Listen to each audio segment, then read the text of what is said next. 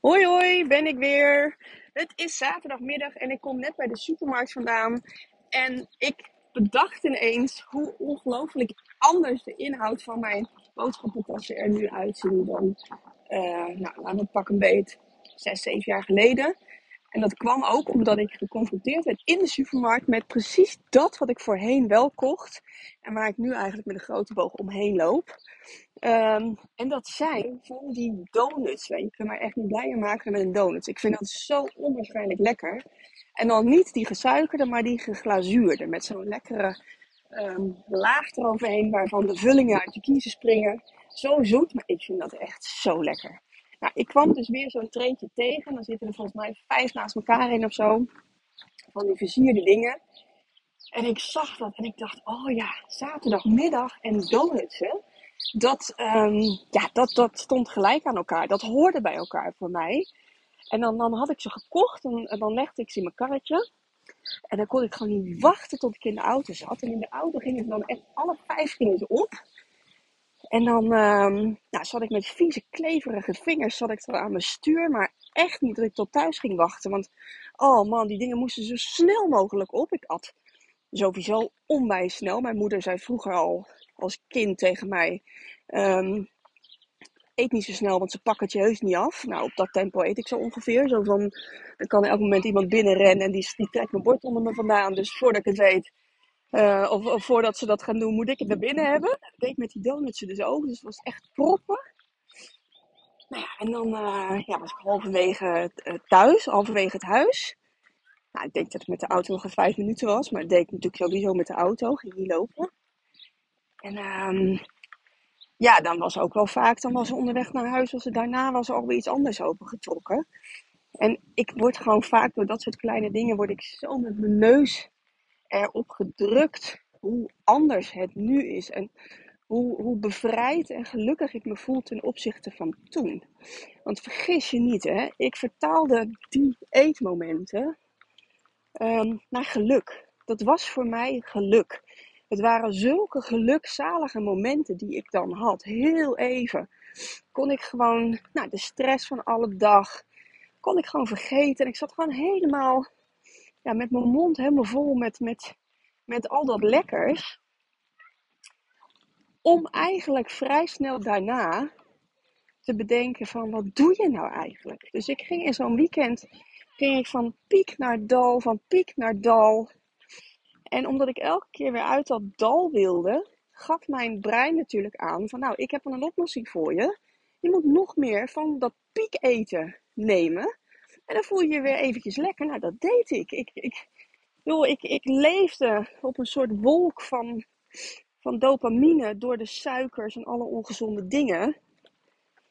Ja, ik wist ook dat dan op maandag, dan moest de rem natuurlijk weer keihard op. Want ja, ik wilde niet de kilo's die dat soort eetgedrag met zich meeneemt.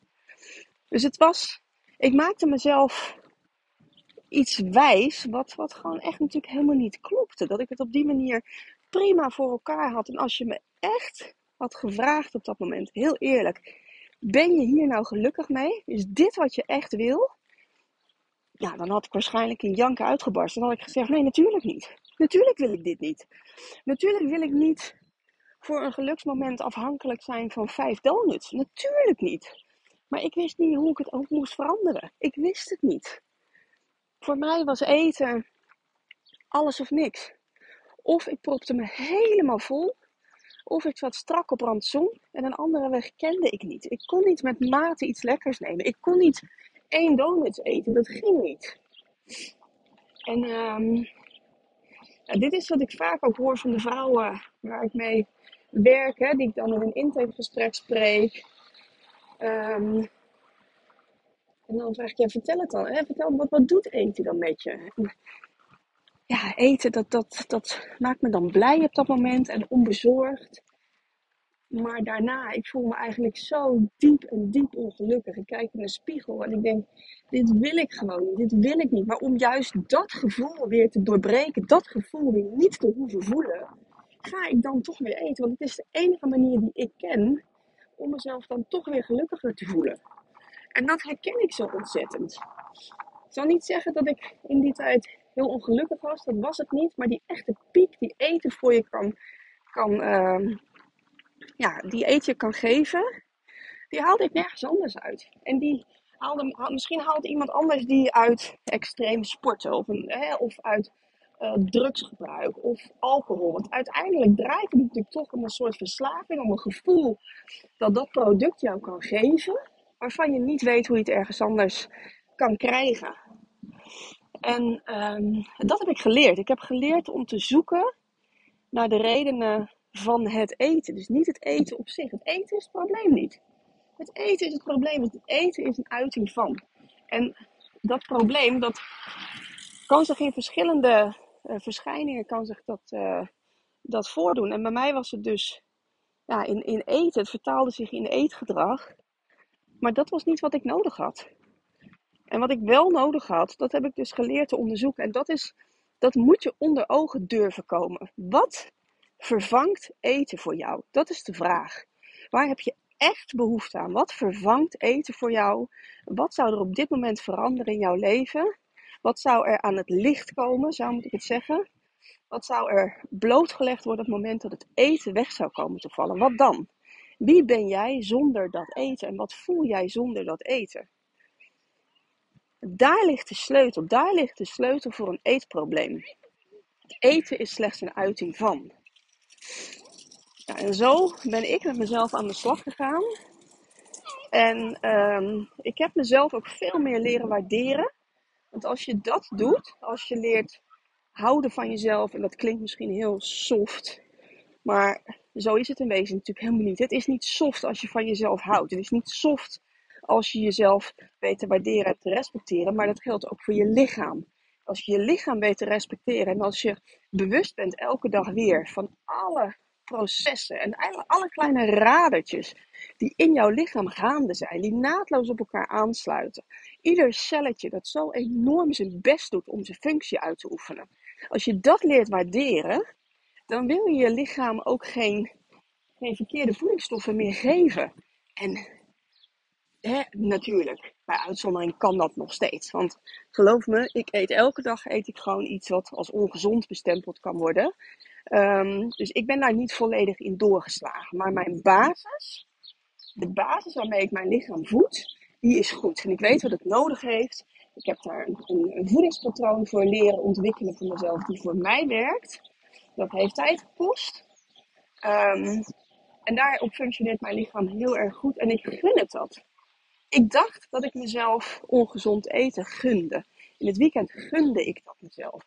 Hoe raar is het dat je jezelf iets gunt dat niet goed voor je is? Wat je jezelf zou moeten gunnen, is het allergezondste en het allerlekkerste eten van de wereld. En dan wel in die combinatie, hè? Dat is wat je jezelf moet gunnen. En ik dacht dat ik mezelf een doos donuts en een doos cornetto's gunde. Ja, bizar. Bizar. Als ik er nu over, over nadenk. Echt bizar gedrag. Maar het was wel mijn gedrag. Jaar in, jaar uit. Jaar in, jaar uit. En ik wist niet hoe ik het moest doorbreken. En er komt een moment in je leven. Hoop als jij dit verhaal herkent. Dat je zo gelukkig wordt van eten. Maar dat je er eigenlijk ook diep en diep bedroefd van bent. Komt een moment in je leven dat je zegt tot hier en niet verder. En ik hoop, ik hoop zo ontzettend dat dat moment niet komt na een ernstige medische waarschuwing. En als dat wel zo is, dan hoop ik dat het bij een waarschuwing is gebleven. Maar ik hoop dat het moment eigenlijk komt, op het moment dat je denkt, je in de spiegel kijkt, dat je denkt, het kan zo niet verder. En het kan zomaar hè, iets heel onbeduidend zijn, dat jij de trap op wil rennen en dat het gewoon niet gaat. Dat je halverwege staat te hijgen als een oud molenpaard en dat je denkt, verdorie, dat mag niet zo zijn. Ik ben hier te jong voor. Ik ben hier gewoon veel te goed voor om mezelf dit aan te doen. Ik hoop dat je zo'n moment ervaart. Voor mij heeft het iets, iets, um, ja, iets, iets rigoureus. Hè? In, in mijn leven was het de scheiding, die voor mij de ommekeer was. Het kan van alles zijn. Het kan van alles zijn. Het kan een opmerking van je kind zijn. Het kan je partner zijn. Het kan eh, in de spiegel kijken zijn. Het kan, weet ik veel, misselijk zijn na weer de zoveelste eetbui. Maar alsjeblieft, doe er dan iets aan. Doe er iets aan en weet dat het mogelijk is. Het is voor iedereen mogelijk. Niemand is gedoemd tot een veel te zwaar en ongezond lichaam waar je niet gelukkig mee wordt. Voor iedereen is er een andere mogelijkheid. En als je dan zover komt, net zoals ik, dat je in de supermarkt loopt, dat je om je heen kijkt, dat je je karretje in kijkt en dat je denkt, wat is hier gebeurd? En een jaar geleden zag de inhoud compleet anders uit. En nu is dit de inhoud van mijn wagentje. En ja, er ligt ook een pakje koekjes bij. Of er ligt ook een, uh, een, een, doos ijsjes bij. Of wat dan ook. Hè, in mijn uh, karretje lagen nu waterijsjes in plaats van cornetto's. En de cornetto's zijn ook echt nog wel eens in huis. En ik eet er echt nog wel eens één. Maar het is, geen, het is niet meer standaard. Dat je dan in je karretje kijkt en dat je denkt, kijk naar het verschil. En ik ben er ook nog echt oprecht gelukkig mee ook. Ik voel me er beter bij. Ik voed mijn lichaam. Ik voel dat mijn lichaam me dankbaar is. Het zal me ook terugbetalen hiervoor. Want het lichaam betaalt je altijd terug. Hè? Wat je erin stopt, krijg je eruit. En uh, nou, ik hoop dat, uh, dat je dat punt kunt bereiken. En weet dat het voor iedereen mogelijk is. Goed. Ik uh, ga lekker weekend vieren. En uh, ik hoop jij ook. Het wordt hartstikke mooi weer. Geniet ervan. En tot in de volgende. Doei doei.